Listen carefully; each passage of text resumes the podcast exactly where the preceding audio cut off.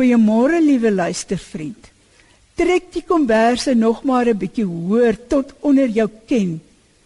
Ek is bly jy's so vroeg in die koue al wakker sodat jy die dag saam met my kan binnegaan.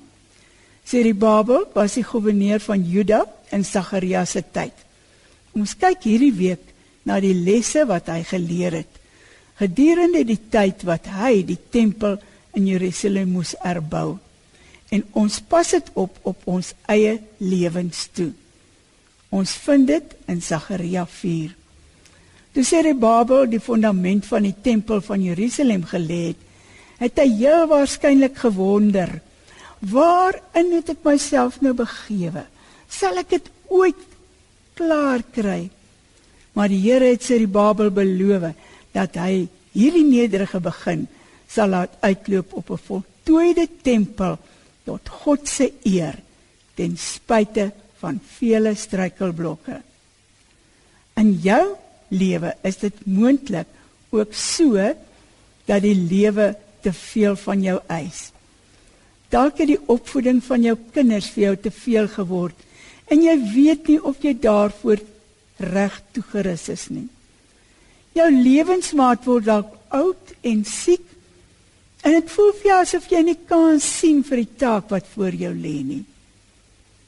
Jou eie gesondheid maak sekere dinge onmoontlik.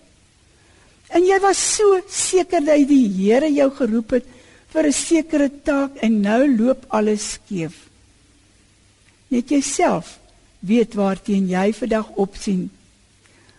Wat jou laat voel jy's nie bekwam nie, nie goed genoeg toegerus nie, het nie genoeg krag nie. Noem maar op. Dan kom die Here na jou toe vandag en versê vir jou ook soos vir Serubabel jou hande het hierdie tempel se fondamente gelê en jou hande sal dit klaar bou. Vers 7. Hy sal die tempel klaar bou en die laaste klip lê terwyl die mense uitroep dis wonderlik nuwe lewende vertaling weet jy die tempel is in 1515 voor Christus voltooi. Vader, my lewenstaak druk swaar op my.